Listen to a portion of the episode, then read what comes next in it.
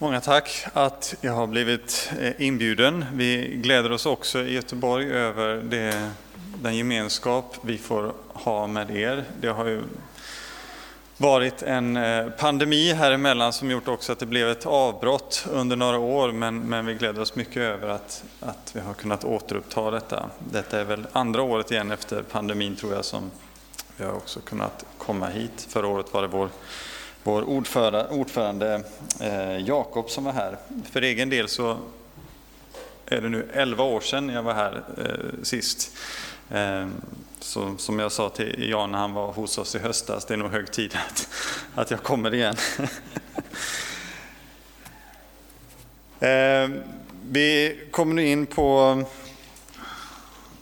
tredje kapitlet i andra Petrusbrevet. Eh, och det är egentligen en, en ganska naturlig fortsättning på vad vi har haft i andra kapitlet. Det är kanske inte är helt, helt uppenbart. Ehm, men det som är angelägenheten för Petrus, det är just det som, som Jan var inne på här vid slutet också, att vi inte ska vara som ostadiga själar i mötet med dessa falska lärare, ehm, utan ska veta varför Herren dröjer Eh, så att vi inte drabbas av otro eh, inför Guds löften, utan står fasta eh, i dem och håller fast vid dem. Så när de falska lärarna kommer med sitt hån och förvrängda teologi, så far vi inte omkring av varje vindkast i läran. Men vi kan säga kort att, att kapitel 2 tar upp de falska lärarnas korrupta liv på många sätt. Men nu i kapitel 3 så, så är Petrus mer fokuserat på deras eh, förvrängda teologi och bemöter den. Eh, men innan jag läser verserna vi har framför oss så, så ber vi. Herre, sänd din ande över oss i denna stund. Öppna ditt ord för oss. Påminn oss om dina löften så att vi, vi ser fram emot din sons återkomst. Men gör oss då också angelägna om vad du är angelägen om, människors frälsning. Ge oss rena sinnen, renade sinnen, omvända sinnen, så att vi kan stå fasta i alla frestelser och prövningar. Det ber vi i Jesu namn. Amen. Så vi läser ifrån första versen i det tredje kapitlet. Detta är nu det andra brevet som jag skriver till er, mina älskade. I båda har jag med mina påminnelser velat väcka ert rena sinne, så att ni tänker på det som är förutsagt av de heliga profeterna och på budskapet från Herren och Frälsaren som ni har hört från era apostlar. Framför allt ska ni veta att i de sista dagarna kommer hånfulla människor som drivs av sina begär och som hånar er och säger, hur går det med löftet om hans återkomst? Sedan fäderna dog har ju allt fortsatt precis som det har varit sedan skapelsens början. De bortser medvetet från att det för länge sedan fanns himlar och en jord som uppstod ur vatten och genom vatten i kraft av Guds ord. Genom vatten och Guds ord dränktes den dåtida världen och gick under. Men de himlar och den jord som nu finns har genom samma ord sparats åt eld och bevaras fram till den dag då de gudlösa människorna ska dömas och gå under. Men en sak får ni inte glömma, mina älskade.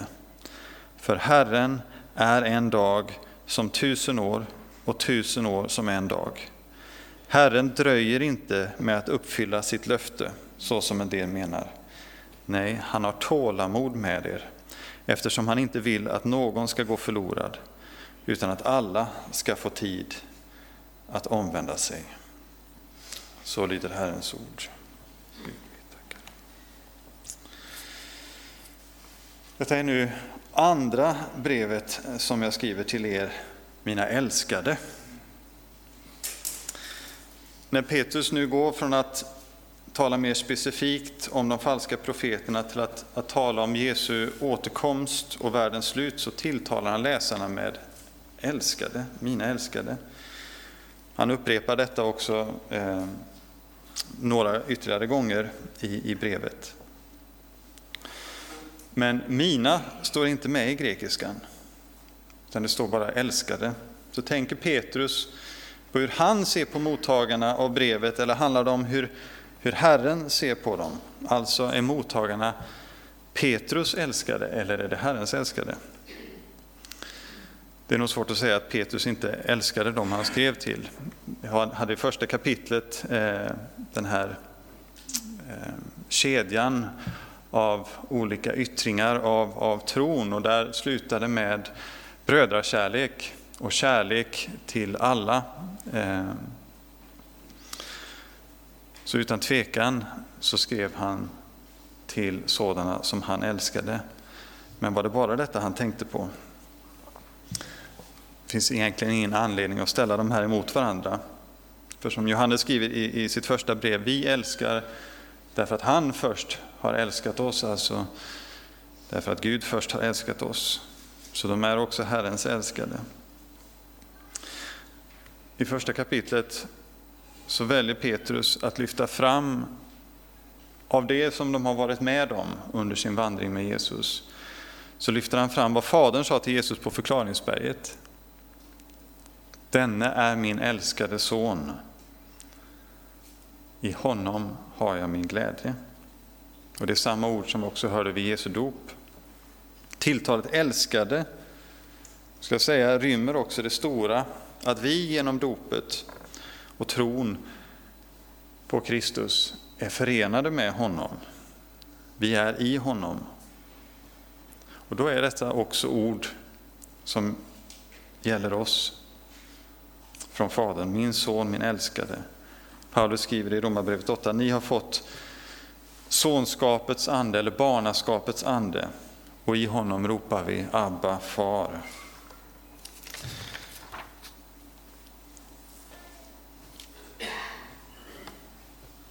Och så fortsätter Petrus, i båda har jag med mina påminnelser velat väcka ert rena sinne.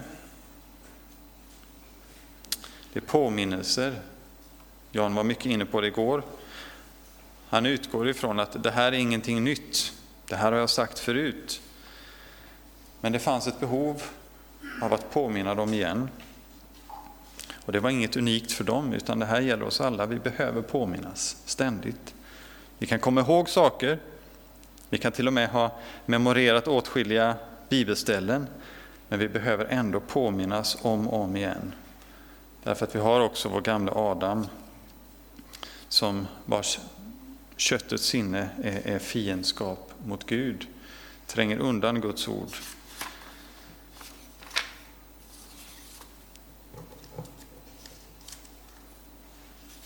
Så vi skulle kunna tänka att syftet med hans brev var att varna för, för falska lärare. Och det gör han verkligen. Det är verkligen en del av syftet. Men han skriver inte främst att varna dem för hur de inte ska vara, hur de inte ska tänka, utan han vill påminna dem och genom sina påminnelser väcka deras rena sinne. Ett positivt budskap som de ska uppehålla sina tankar vid. Ett rätt sätt att se på vad som händer och vad som kommer att hända. Ett sinne som är format och renat av Guds ord. Ett sinne som gör varje tanke till en lydig fånge hos Kristus. Det Petrus ser att vi behöver i mötet med dessa falska lärare och andra som attackerar vår tro är att påminnas om och hålla fast vid det som Gud har uppenbarat för oss. Men här särskilt gällande Jesu återkomst, domens dag och frälsningens dag. Vi behöver ständigt påminnas om detta, för Guds ord är på många sätt en färskvara. Jan citerade igår eh, från Luther, eh, eh, men det brukar också sägas så här om, om Guds ord, att med Guds ord är det annorlunda än mat. När det gäller Guds ord så svälter man sig mätt och äter sig hungrig. Så ju mindre vi läser och uppehåller oss i Guds ord, påminns om Guds ord, desto mindre angeläget blir det för oss. Men ju mer vi lever i det, lever av det, desto mer angeläget blir det för oss.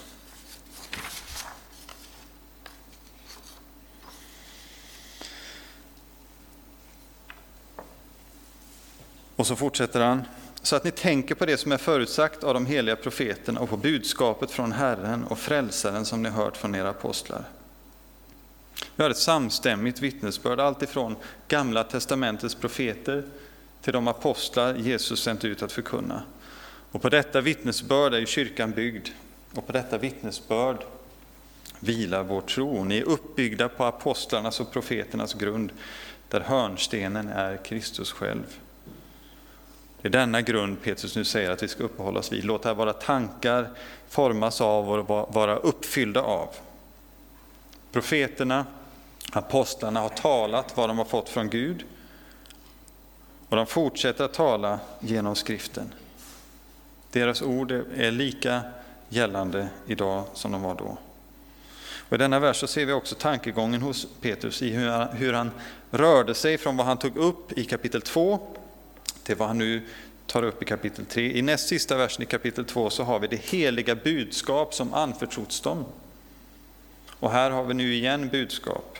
Budskapet från Herren och Frälsaren som ni hört från era apostlar. Det här ordet på grekiska brukar vi oftast översätta med bud. Det, eh,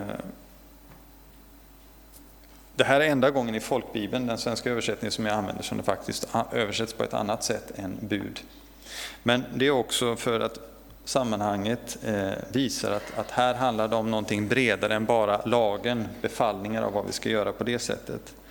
Utan här ryms allt vad skriften undervisat, allt vad Jesus undervisat på ett liknande sätt som när han sänder ut eh, apostlarna, gå ut och gör alla folk till lärjungar och så vidare och lär dem att hålla allt vad jag befallt er. Här har vi samma ord fast som verb istället. Budskapet är både orden från Jesus och det är orden om Jesus. Och Det är egentligen samma sak som han sagt redan i kapitel 1, att de ska hålla sig till det profetiska ordet till dess morgonstjärnan går upp i deras hjärtan, alltså Jesus. Och Detta till skillnad från de falska lärarna som uppenbarligen inte gör detta. Men de verkar en gång ha tagit emot ordet och lärt känna rättfärdighetens väg, som han skriver i kapitlet innan. Det är sådana som har avfallit från tron som han varnar för. Och troligen har de fångats av olika gnostiska eh, tankar. Och utifrån beskrivningen i kapitel 2 av den inriktning som inte gick mot, mot sträng askes, där man levde i avhållsamhet och, och, och, och förnekade sig alla slags nöjen och så vidare, utan istället den riktning som gick mot extrem lössläppthet. Eh, och nu är han väldigt angelägen om, Petrus, att brevets mottagare inte ska följa dem på denna väg, inte gå på deras argument, inte frestas av deras lössläppthet. Och vapnet i denna strid är det som är förutsagt av de heliga profeterna, vad apostlarna har fört vidare från Jesus. Och det är helt enkelt det vi har i Bibeln, Gamla testamentet och Nya testamentet. Och Det här gäller också en sådan sak som Herrens dag. Jag ska inte gå in för mycket på, på Herrens dag, för jag misstänker att det kanske kommer i nästa bibeltimma. Men Herrens dag är väldigt framträdande i Gamla testamentet och även i Nya testamentet vad Gud ska göra vid tidens slut. Det här är inte någonting skilt från Jesus, utan det är helt kopplat till vad Jesus gjort och kommer att göra. För det som, när vi läser i Gamla Testamentet, ibland verkar ha varit en avgränsad händelse, sammanhållen eh, händelse, förstår vi nu i ljuset av, av Jesus, det är att det är någonting som började med Jesu första tillkommelse och som fullbordas vid hans andra tillkommelse, hans återkomst i härlighet.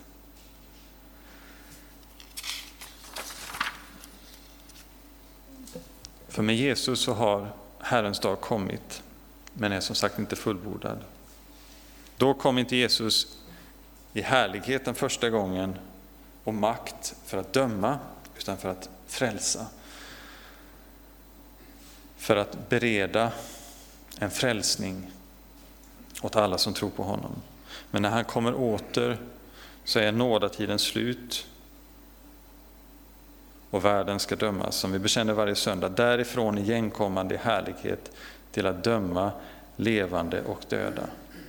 Men i Kristus så är det också en frälsningens dag och en glädjens dag. Det är dagen då vår brudgum kommer för att ta oss hem till sig, till den boning han berett. Detta är dagen då allt det vi redan ägt genom tron fullbordas. Med orden från, från första Petrusbrevet. Välsignad är vår Herre Jesu Kristi Gud och Far.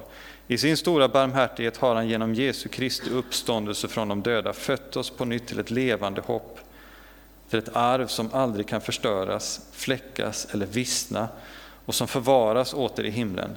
Med Guds makt bevaras ni genom tron fram till den frälsning som är redo att uppenbaras i den sista tiden.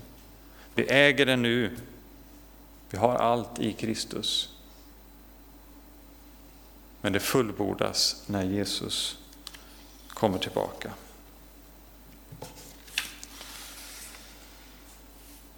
Och vi fortsätter. Framför allt ska ni veta att i de sista dagarna kommer hånfulla människor så detta hör också till vad som har blivit uppenbarat, vad profeterna, Jesus, apostlarna har förutsagt, att i de sista dagarna ska sådana här människor komma. Vi har till exempel i Jesaja 5. Ve dem som drar fram missgärning med lögnens band och synd som med vagnslinor, de som säger han får skynda sig, han får utföra sitt verk snart så att vi ser det. Det som Israels helige bestämt får närma sig och komma så att vi lär känna det.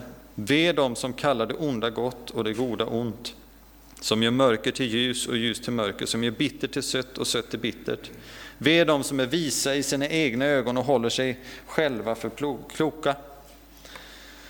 Det ironiska här är att de hånfulla människor som Petrus talar om, att när de öppnar munnen för att håna de som håller fast vid Guds ord, det som de tänker är tomma löften, det här, det här kommer inte hända. När de hånar de som håller fast vid Guds profetier så blir de själva en del av den. De blir själva en del av uppfyllelsen av den. De förnekar tanken på att Gud ska komma för att döma världen. Men att de finns och säger detta blir istället ett bevis för brevets mottagare på att nu lever ni just i den här tiden som profeterna har talat om, just i den tid som Gud har sagt ska komma. Tar vi emot det på rätt sätt så blir deras hån inte någonting som leder oss bort från tron på löftena, utan snarare befäster dem. De falska lärarnas ord blir vittnen mot dem själva om deras självbedrägeri.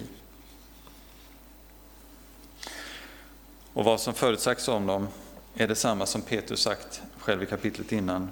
De är fördärvade och hamnar därför i fördärvet. Där får de lönen för sin orättfärdighet.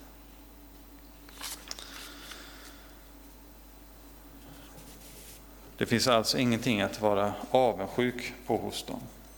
Psaltaren 72 eh, fångar upp detta väldigt väl just med när man ser på, på sådana människor.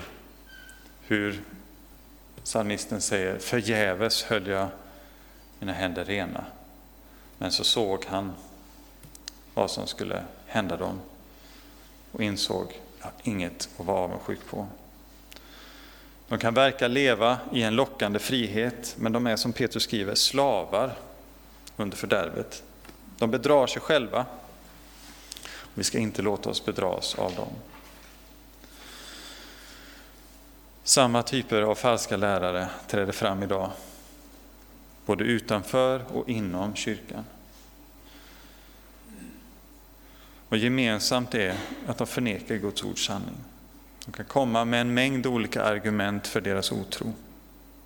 De kan få det att framstå som så väldigt rationellt, förnuftigt, kärleksfullt, tolerant.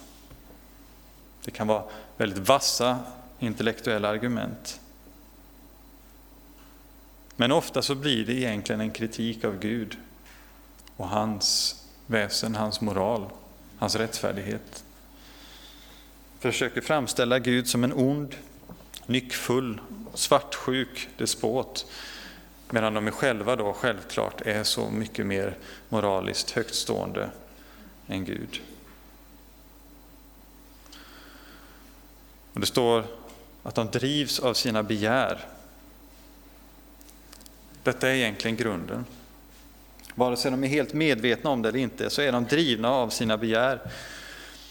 Den, den relativt välkände, i alla fall brittiske författaren och, och filosofen Aldous Huxley som skrev bland annat eh, Brave New World, jag vet inte vad den heter på norska, Sköna nya värld blev det på svenska.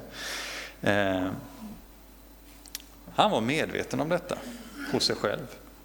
Och ärlig nog att också säga det. I en essäbok eh, med titeln Ends and Means, alltså mål och medel, från 1937 så skrev han Jag hade motiv för att inte vilja att världen skulle ha en mening. Och följaktligen antog jag att den inte hade någon. Och kunde utan svårighet finna tillfredsställande skäl för detta antagande. Den filosof som inte finner någon mening i världen sysslar inte enbart med ett rent metafysiskt problem. Han är också angelägen om att bevisa att det inte finns något giltigt skäl till varför han personligen inte skulle göra som han vill. För egen del och utan tvekan för de flesta av mina vänner var filosofin om meningslöshet i huvudsak ett instrument för frigörelse från ett visst moralsystem. Vi motsatte oss moralen eftersom den var i vägen för vår sexuella frihet. Anhängarna av detta system hävdade att det förkroppsligade meningen, den kristna meningen insisterade de, med världen. Det fanns en beundransvärt enkel metod för att motbevisa dessa människor och rättfärdiga oss själva i vår erotiska revolt. Vi skulle förneka att världen hade någon som helst mening. Väldigt ärligt. Det han säger är, det började inte med rationella argument. Det började med, jag ville inte. Och sen hittade jag argument för det. Det är en bekännelse utan ånger och istället närmast en apologi för att följa sina lustar och begär. Drivna av sina begär vill dessa som Paulus talar om här inte veta av en dag då de ska dömas utifrån en absolut måttstock från Guds rättfärdighet. Att allt vad de tänkt, sagt, gjort ska fram i ljuset och dömas med rättvisa. Som Jan sa, man förnekar Gud hans domsmakt, hans rätt att döma. De avskyr och förmodligen livrädda för att de ska behöva stå till svars för allting en gång. Vill inte ha en domare, vill inte tänka på Guds fred över synden. De vill ha hedonism, frigörelse från kristendomens förtryckande moral och framför allt verkar detta ofta handla om eh, på det sexuella området. De vill få göra vad de känner för, möjligen med den godtyckliga begränsningen så länge det inte skadar någon. Men den som har sett vad följderna av den sexuella frigörelsen med framförallt 60-70-talet och framåt med lavinartad ökning av skilsmässor, splittrade familjer och då inte medräknat alla separationer som kommer av, av, av sådana som helt enkelt aldrig gift sig. Aborter, könssjukdomar. Det är svårt att säga att den sexuella revolutionen som nu närmast nått kanonisk status i västerlandet inte har skadat någon. Och nu är det på väg in i helt nya spår också där man börjar tala om, eller man har redan börjat göra, stoppa barns utveckling, naturliga utveckling för att sedan kunna göra ingrepp i deras kroppar. Men när kyrkan säger något om detta, då får vi höra att vi är sexfixerade och hela tiden ska lägga oss i vad människor gör i sovrummet och så vidare. Men den bibliska synen på den äktenskapliga relationen och sexuella samlivet är inte förtryckande. Det är befriande, för den befriar oss från oss själva. Den befriar oss från våra nyckfulla känslor och begär. Den ger oss sunda ramar att hålla oss inom så att vi inte skadar varken oss själva eller någon annan. Och i synnerhet inte barnen, om det finns några i relationen. Men de som drivs av sina begär säger att detta är, är förgäves. Ni vet inte vad ni missar. Det är bättre att ha kul och, och ta vara på, på det goda livet nu.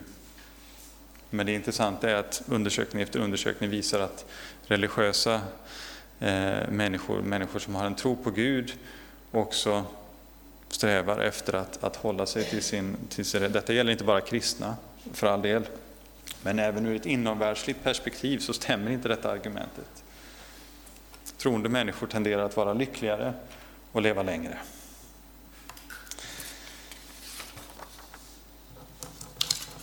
Men så kommer då deras eh, främsta invändning. Hur går det nu med hans återkomst? Skadeglatt. Det här är inte samma allmänna fråga om, om var är nu deras Gud som kan vara när, när människor är utsatta och så vidare, att Gud ska komma till räddningen, eh, till deras räddning. Eh, utan det här är specifikt det nytestamentliga löftet om Jesu återkomst. Det här var inte en, eh, bara en fråga som de falska lärarna hånfullt slängde ur sig, utan detta var ju också en, verkligen en fråga som de tidiga kristna brottades med.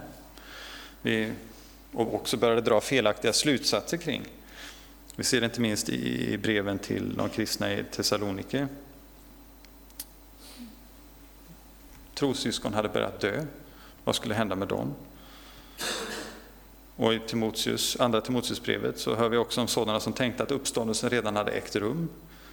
Och detta var saker som väcktes därför att vi hade förväntat oss att Jesus skulle komma mycket, mycket snart.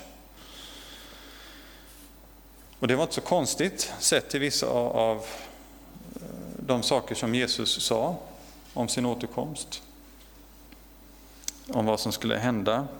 Exempelvis så sa han till de tolv när han sände ut dem på, på sin första, vad vi kan kalla praktik. Ni hinner inte igenom Israels städer innan Människosonen kommer.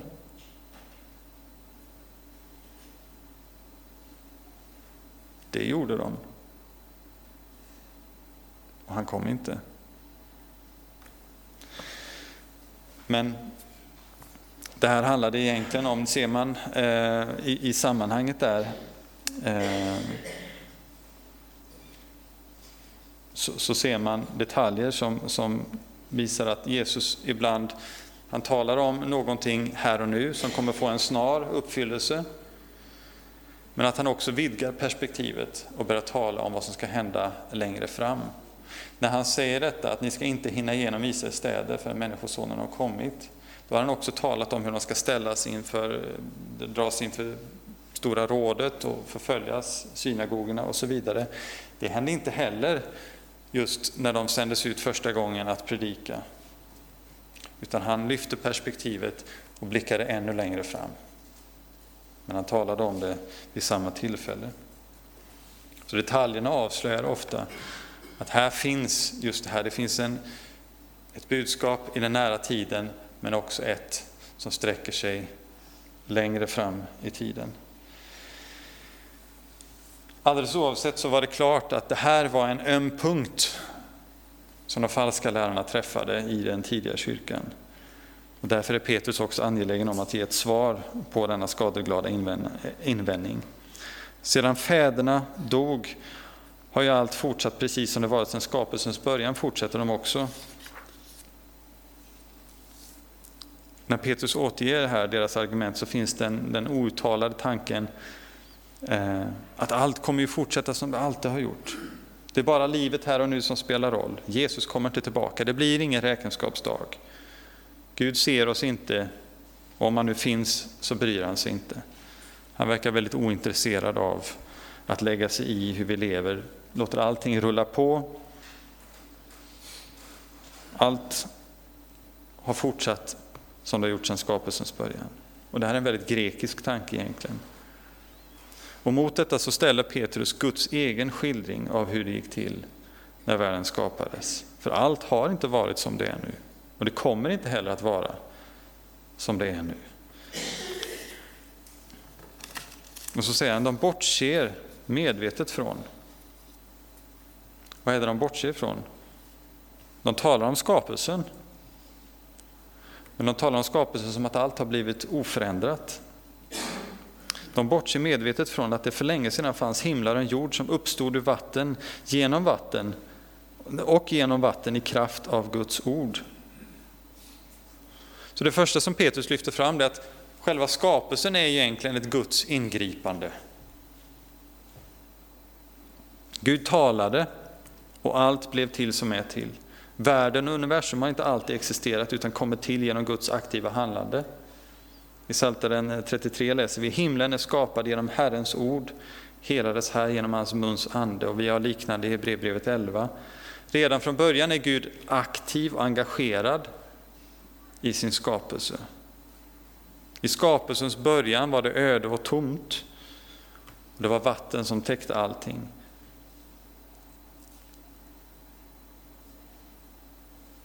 Skulle Gud bara lämnat det så, så hade det inte blivit något liv. Det hade inte hänt någonting mer. Men Gud fortsatte tala och genom sitt ord så skapade han ordning ur vad vi ändå kan kalla någon form av, av, av kaos. Lyfte land ur vattnet, fyllde skapelsen med liv.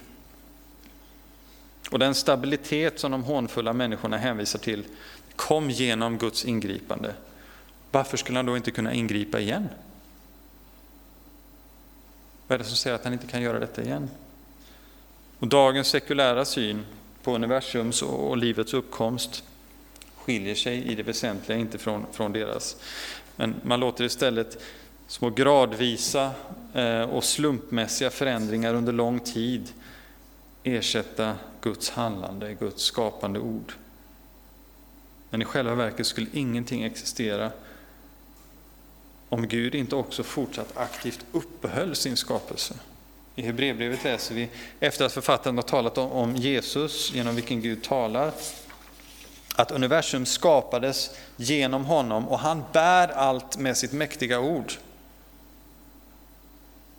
Han bär allt med sitt mäktiga ord. Och Paulus skriver liknande om Jesus i Kolosserbrevet 1. Han är till före allt och allt hålls samman genom honom. Om Gud vore passiv så skulle världen inte bestå. Den ordning han en gång skapade ur vattnet och med vattnet som instrument, det skulle omintetgöras och världen skulle dränkas. Och då fortsätter Petrus, det var det här som skedde ju. Genom vatten och Guds ord dränktes den dåtida världen och gick under. Om Gud skapade ordning i världen genom att sitt ord skilja vatten från vatten, låta torra land komma fram, så återgick det vid syndafloden. Samma sak som gav ordning i världen blev också instrumentet för dess förstörelse. På Noas tid så lät Gud vattnet överträda den gräns som han tidigare befallt genom sitt ord, i praktiken att den inte skulle överträda. Domen kom genom vatten och ord, vatten och Guds domsord. Det här var inte bara en naturkatastrof, utan det var Guds dom. Och om det hände då, det här bortser de ifrån, om det hände då, om Gud grep in på detta sätt för att sätta stopp för ondskan, orättfärdigheten, varför skulle han inte kunna göra det igen? Allt har inte fortsatt på samma sätt sedan skapelsens början. Deras argument faller eftersom det är byggt på felaktiga antaganden.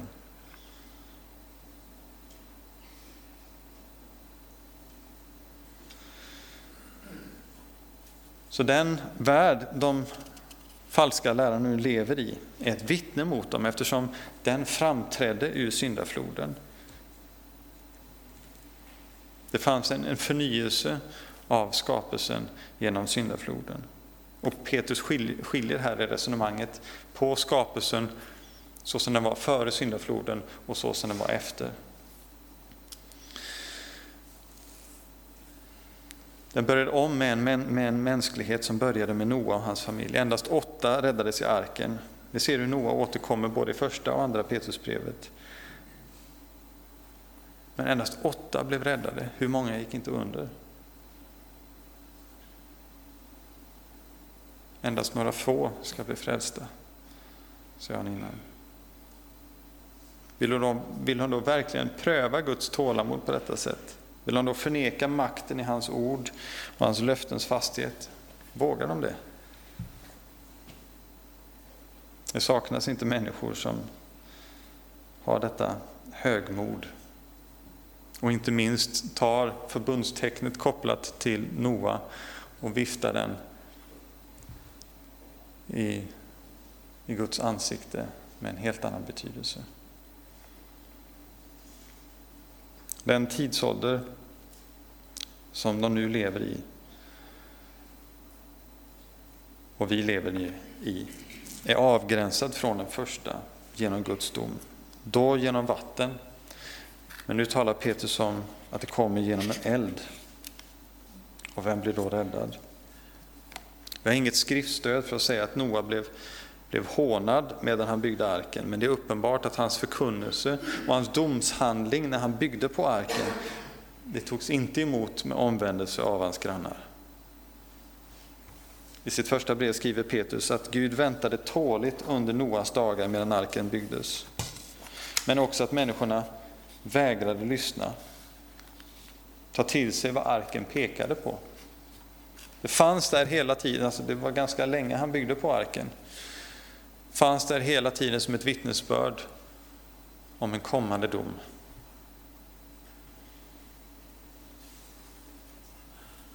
Och eftersom de inte tog till sig detta gick de också förlorade. Så det finns ett prejudikat, om man så vill, som de falska lärarna har missat. Ett tidigare exempel på Guds dom. Syndafloden var ett förebådande av en kommande dom, den stora domen. Människornas ondska hade växt sig stor på jorden, det kunde inte Gud låta fortsätta. Men han fann Noa rättfärdig och räddade därför honom och hans familj, de som tog emot löftet om frälsning knutet till arken. Vad är arken nu? Vad är det som arken, eller hur, på vilket sätt finns en ark ibland oss nu? Denna vers och föregående vers har en koppling till vårt dop. I sitt första brev tar Petrus själv upp syndafloden och Noas räddning i arken som en förebild till dopet, till frälsningen i dopet. I dopets vatten dränktes den gamle Adam och en ny människa i Kristus en ny skapelse, uppstod ur vattnet i kraft av Guds ord. Vattnet och ordet. Samma sak i Efesierbrevet 5. Kristus har älskat församlingen och offrat sig för den. Han gjorde det för att helga den sedan han renat den genom vattnets bad i kraft av ordet. Ser vi här i, i verserna 5 och 6 så är det vatten och ord som återkommer när han talar om skapelsen, men hur den dömdes vid Noa, eh, genom, under Noas tid med syndafloden. Och här finns det olika saker som knyter detta till vårt dop. Så dopet det ges till syndernas förlåtelse och det föregriper domen men låter det falla på Jesus. Dopet är alltså någonting som bekräftar och egentligen förkunnar syndens verklighet och allvar och domens dags verklighet. Sekulariserade svenskar och norrmän tänker nog mest på det som en, en vacker namngivningsceremoni för nyfödda. Men vad vi menar att dopet innebär, varför det är nödvändigt, varför döper vi? Det är en anstöt. Problemet är då att, att många i, i mer liberala sammanhang också tar bort den anstöten. Men dopet är på många sätt egentligen en domspredikan över denna värld. Att den går mot sitt slut, att tiden går mot sitt slut och att Herren kommer. Och dopet gör oss beredda att möta honom när han kommer eftersom vi genom dopet blir hans och får våra synder förlåtna.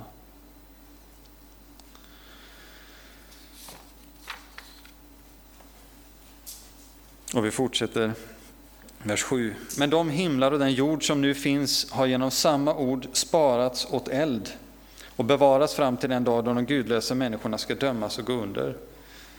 Gud talade en gång och världen och allt i den blev till. Och Gud ska tala en gång till. Eh, och de himlar och den jord som nu finns ska inte längre finnas till.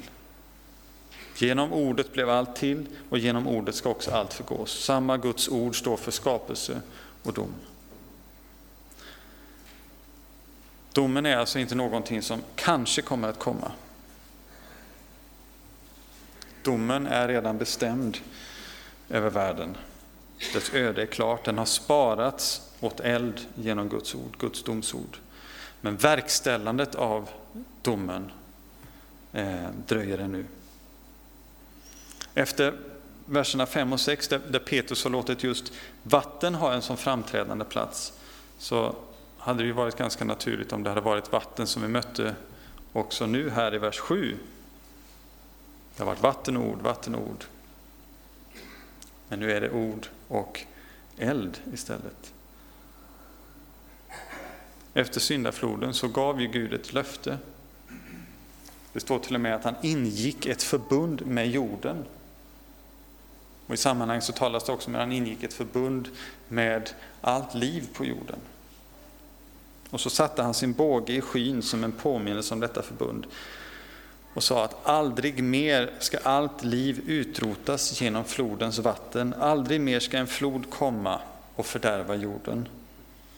Så utifrån Gamla Testamentet är det därför omöjligt att tänka sig en slutgiltig dom över denna världen genom vatten igen. Gud har bundit sig själv i detta löfte genom förbundet som han ingått. Och ännu så ser vi regnbågen i skyn och vet han håller sitt löfte. Det var inte ett löfte att jorden aldrig skulle gå under, bara att den inte ska gå under genom vatten. Utan istället då har flera profeter talat om en dom genom eld när vi läser i Gamla Testamentet. Men varför är himlarna och jorden sparade åt eld? När det är människor som ska dömas. Det var egentligen samma sak vid syndafloden. Därför att syndafallet drabbade inte bara mänskligheten. Paulus skriver i Romarbrevet 8 Skapelsen har ju blivit lagd under förgängelsen, inte av egen vilja utan genom honom som lade den därunder. Ändå finns det hopp om att även skapelsen ska befrias från sitt slaveri under förgängelsen och nå fram till Guds barns härliga frihet. Syndafallet var en så genomgripande händelse att hela skapelsen lades under förgängelsen. Så den värld vi nu ser är inte sådan som Gud en gång först skapade den. När han såg på allting och sa att det är gott. På något sätt så väntar också skapelsen en förlossning tillsammans med oss som är Guds barn. På samma sätt som vi får klä av oss denna dödens kropp. Det sås en förgänglig eh, kropp och det uppstår en oförgänglig, så verkar det vara något liknande med hela skapelsen. Och detta väntar vi på. Och på samma sätt som skapelsen suckar och våndas och längtar efter detta, så kan också vi, inte minst när vi plågas av synden, runt om oss, men framför allt i oss, längta efter vår förlossning. Och tiden tickar på. Och han dröjer. Hur ska vi då se på att Herren dröjer? En sak får ni inte glömma, mina älskade. Petrus uttrycker sig nu igen på samma sätt som i, i vers 1. både i tilltalet mina älskade och genom påminnelse. Så nu börjar han närma sig kärnan här av det han vill få sagt. Så då upprepar han igen, bara för att lyssna nu, spetsa öronen. För Herren är en dag som tusen år och tusen år som en dag.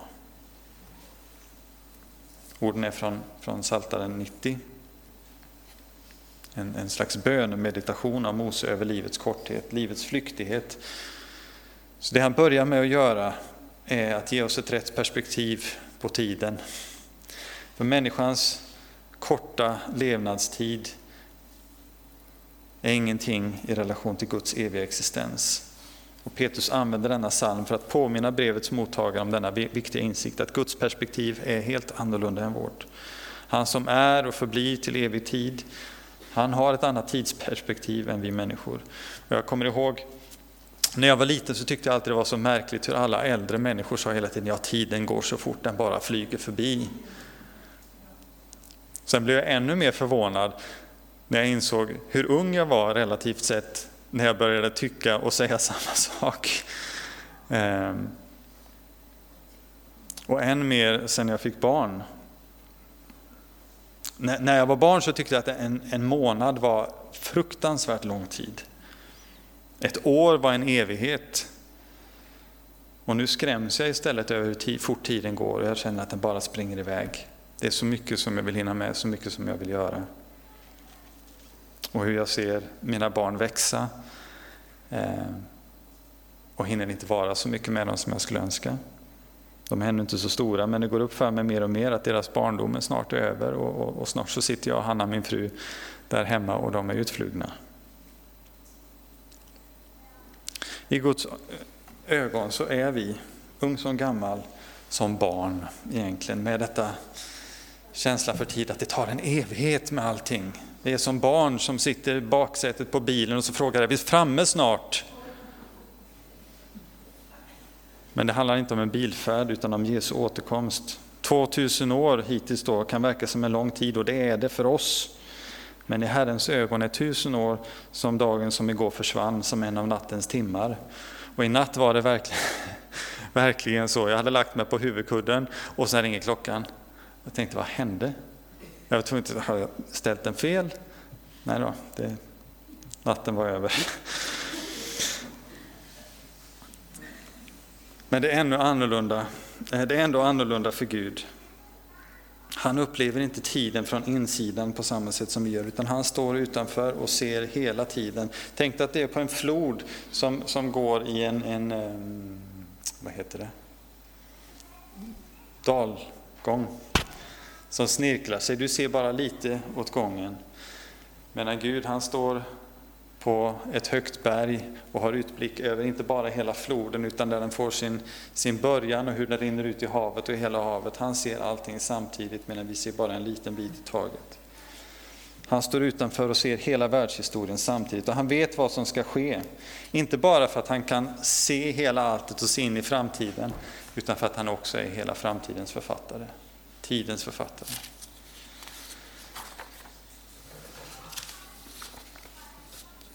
Och nu brännpunkten. Okej, okay, för Gud, jag fattar, han har ett annat tidsperspektiv än oss.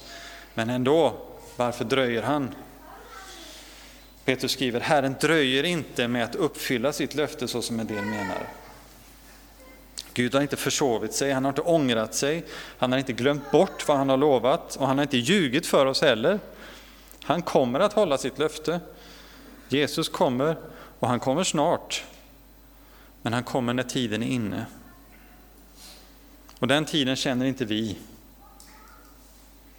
Även om det har funnits och fortfarande finns, tyvärr fortfarande kommer att finnas falska profeter som sätter datum efter datum efter datum efter datum på när Herren Jesus ska komma.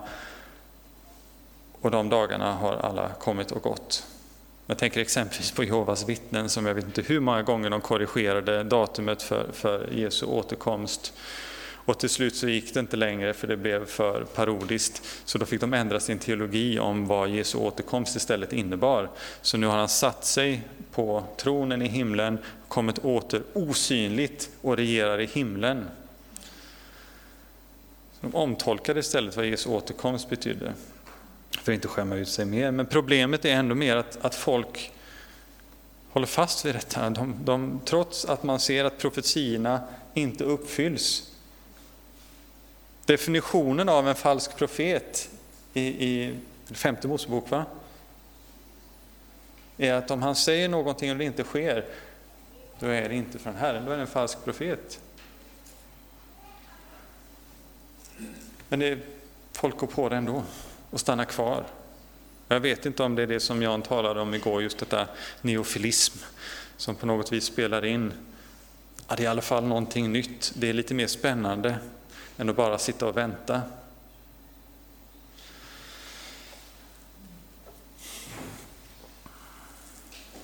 Men nej, han har tålamod med er. Om vi var Gud så hade vårt tålamod varit slut för länge sedan. Men lyckligtvis så är Gud Gud och inte vi. När vi läser i vårt gamla testamente så finns det lite av en, en refräng när det gäller beskrivningen av Gud. Den första gången vi möter den, om jag inte Ta fel nu, är när Herren går förbi Mose. När, när Mose får se Gud på ryggen. Och när Herren passerar honom så ropar han ut sitt namn, står det. Men då ser vi också att namnet är mer än bara Herren, Yahweh. Utan han säger Herren, Herren, en barmhärtig och nådig Gud, sen till vrede och stor i nåd och sanning. Han bevarar nåd mot tusenden och förlåter brott, synd och skuld, men låter ingen bli ostraffad utan låter straffet för fädernas missgärning drabba barn och barnbarn till tredje och fjärde led. Vi har detta också, det är för all del tidigare, i, i första budet. Eh, och som i lilla katekesen blir eh, budens avslutning istället. Med Herrens tålamod, inte tusen släktled. Och visar nåd mot tusen släktled när man älskar mig och håller mina bud. Men mot de som hatar honom, där låter han straffet drabba barnen, inte tredje och fjärde släktledet. Proportionerna är väldigt annorlunda. När Gud får presentera sig själv så är det så här han presenterar sig. Så nådig och barmhärtig, sen till vrede. Så vad som kännetecknar Gud enligt Gud själv, det är hans tålamod. Hans tålamod med oss svaga människor. Men då behöver vi också tänka rätt om hans tålamod. Det är eftersom han inte vill att någon ska gå förlorad utan att alla ska få tid att omvända sig. Hans tålamod har ett särskilt syfte. Och Paulus säger också något liknande i Romarbrevet 2. Föraktar du hans rika godhet, mildhet och tålamod, förstår du inte att Guds godhet vill föra dig till omvändelse. Detta är syftet med att han dröjer. Så det är inte någonting vi ska bli frustrerade över utan glädjas över. Det innebär att det ännu finns tid för omvändelse, att nådatiden inte är slut, att tiden för, för Guds tålamod ännu inte är slut. Vi har säkert alla människor i vår närhet, som, Eh, människor som vi älskar, som ännu inte lärt känna Jesus. Vi har bett för dem, ber för dem.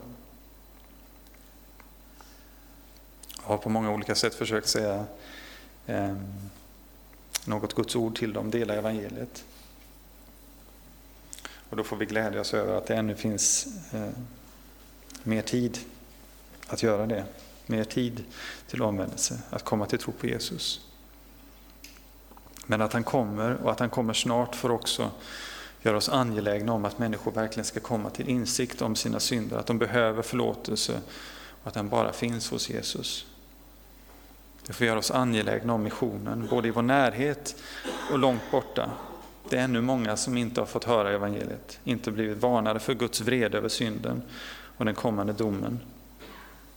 Och då inte heller fått höra om Jesu återkomst och den frikännande dom som finns i honom för alla som tror på honom. Och för att föregripa lite grann nästa avsnitt så verkar missionen till och med kunna vara ett sätt att påskynda Guds dag, som Petrus nämner i, i vers 10. Och missionen håller också allt detta levande som Petrus är så angelägen att påminna oss om. Eftersom vi hela tiden får påminna oss själva i mötet med nya människor Uppehåll oss också vid det centrala, att Jesu återkomst är säker. Den är säker och det gäller att ta vara på tiden och leva i omvändelse. Idag är Herrens dag. Idag om ni hör Herrens röst, förhärda inte era hjärtan. Det är lätt att falla in i vardagens rutiner och, och, och tänka att talet om Jesu återkomst känns ganska långt ifrån det dagliga livet. När man står och diskar, går med dammsugaren, ska skjutsa barnen korsan och tvärsan. Och ju längre tid, desto mer tycks löftet blekna. Eller ju längre tiden går, desto mer tycks löftet blekna och allt känns mindre verkligt och relevant. För några år var det, delades det väldigt mycket det här marshmallow-experimentet där barn fick sitta, så fick de en marshmallow framför sig och så sa de, jag ska bara gå ut ett litet tag. Om den där är kvar när jag kommer tillbaka, då får du två. Och så väntade de olika länge. Man tänkte att man skulle se om, om detta var en indikation på hur man lyckades senare i livet med, med uthållighet och tålamod. Eh, vet inte om den visade så mycket om det. Men vad man ändå kunde se med en gång var att ju längre tiden gick, desto fler barn gav efter och åt upp den. Ganska väntat. Och det verkar som att löftets verkan i princip avtog i takt med att tiden gick, eller kanske snarare att något annat i barnen överröstade löftet mer och mer ju längre tiden gick. Så att i slutändan så var det bara några få tålmodiga barn som fick en andra marshmallow. Men hur hade det gått om någon kom in med jämna mellanrum och påminner dem om löftet? Vänta bara lite till så får du en till. Vänta bara en liten stund till så kommer det en till. Någon som gick till motstånd mot den där inre rösten som sa, men lukta bara på den lite grann. Mm, kanske slicka lite också på den. Mm, ja, ett litet bett. Ett, bara ett litet, litet bett. Det syns inte, ingen kommer se det. Du kommer få en annan marshmallows också. Fast den var ju så god. Jag kanske tar lite till och sen så bara borta. Man kan se bilder på när barn verkligen gör alla de här stegen. Ehm. Och så här fungerar synden. Drar oss in lite, lite, lite i taget. Avtrubbar oss. Men det är också detta som tystar, tystnar Guds ord i oss, Guds löften. Och det är därför vi behöver påminnas om och om igen. Vi behöver påminnas om Herren kommer. Och så att vi använder tiden rätt. Han kommer tillbaka, men han dröjer för att fler människor ska bli frälsta. Han vill, vill ge mer tid till omvändelse. Han är inte otålig, för vad är tusen eller två tusen eller tre tusen år för honom om det innebär att en enda människa mer kan bli räddad. Och här får vi en inblick i Guds hjärta. Jag är medveten om, om tiden, jag ska försöka, men, men jag tycker detta är så viktiga ställen också att ta med oss, få se in i Guds hjärta på detta sättet. Vad som är underförstått i allt detta är, är det som Herren säger genom profeten Hesekiel kapitel 18. Skulle jag finna någon glädje i den ogudaktiga stöd, säger Herren Gud. Nej, jag vill att han vänder om från sin väg och får leva. Domen kommer och är nödvändig. Ondskan måste få ett slut. Den ond, det onda måste straffas. Och den som framhärdar i sin synd och förkastar Gud och hans frälsning går samma öde till mötes som den onde och hans änglar. Men den var reserverad för djävulen, inte oss människor. Herren vill rädda dem och söker dem ännu. Han har tålamod eftersom det ännu finns några av dem som kommer att omvända sig till Jesus. Och han vädjar genom oss, som Paulus säger, Gud vädjar genom oss, låt försona er med Gud. För han vill inte komma med vrede. I Hosea 11, vers 8, så, så, så säger Herren så här, mitt hjärta vänder sig i mig All min barmhärtighet vaknar. Jag vill inte utföra min brinnande vrede. Jag vill inte ödelägga Efraim igen, för jag är Gud och inte en människa. Jag är helig ibland er och vill inte komma med vrede.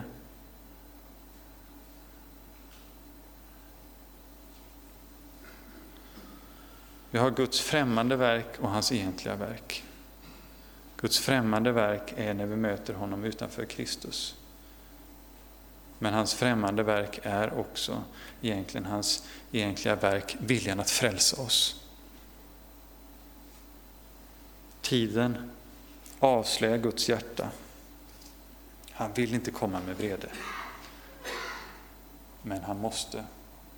Men han dröjer till så många människor som möjligt har blivit frälsta. Och den här tiden får vi då ta vara på.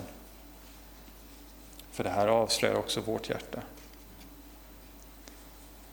Tar vi vara på tiden? Låter det få bli oss till, till omvändelse?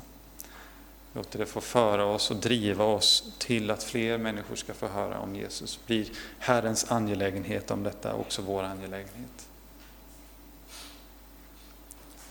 Det är någonting vi alltid får pröva oss inför. Men till sist,